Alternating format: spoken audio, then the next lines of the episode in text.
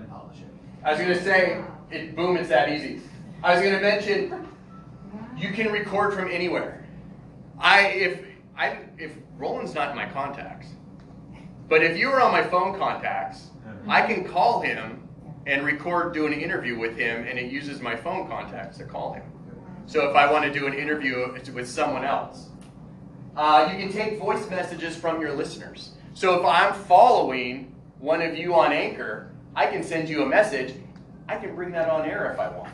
If you have a question for me, I can bring that on air. If I don't want it, if I have a student with giving me a lot of colorful words, I can delete it. I don't. It's not going to come on air. It doesn't. It's not. They're not going to hear it. What do you mean by come on air? You're not live. You're recorded. Well, they record it. It gives it to you, but live when I'm live. When I publish it out. Okay. Publish is the word. Publish. I want to say not. uh, a couple years ago.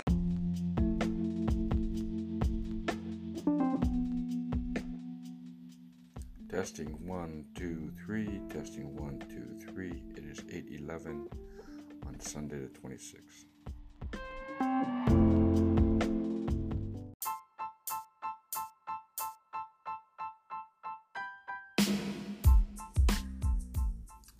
Good morning. This is my podcast. I'm testing it for computational Earth. This is Greg Beutler.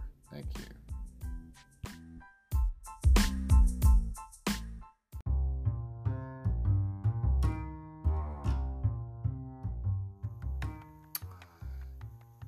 Good afternoon. It's Saturday, and this is a test podcast of the Unity High School podcasting system.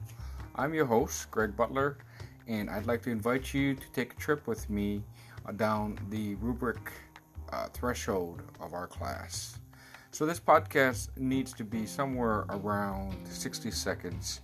I'm right at the 25 second mark without too much effort, and I'm trying to use clear language and I will add background music after I'm typing to this.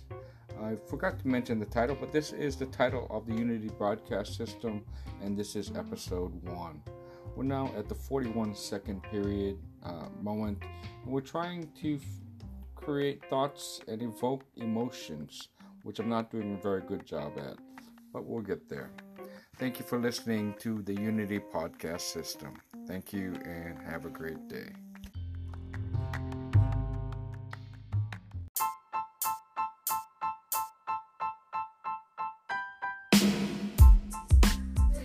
Hey, my name's Ashley. My name's Ricky.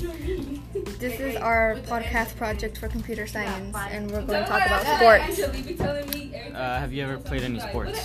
Yes, in middle school, just eighth grade, I played girls soccer, and it was pretty fun. And I was going to try to play in high school, but I didn't end up playing. I ended up playing volleyball instead. I played freshman and um, played sophomore year. Uh, I play volleyball and soccer. Uh, there were no, I mean, there there were soccer teams back in my middle school, but uh, I missed the chance. So I played volleyball in middle school and ended up enjoying it. Are you going to um, play any sports in high school? Yes, I'm gonna play um, boys volleyball team. Is there going to be a is there going to be a boys volleyball team? Yes, Wait, how do you know? because Mr. Park told me. And is it confirmed?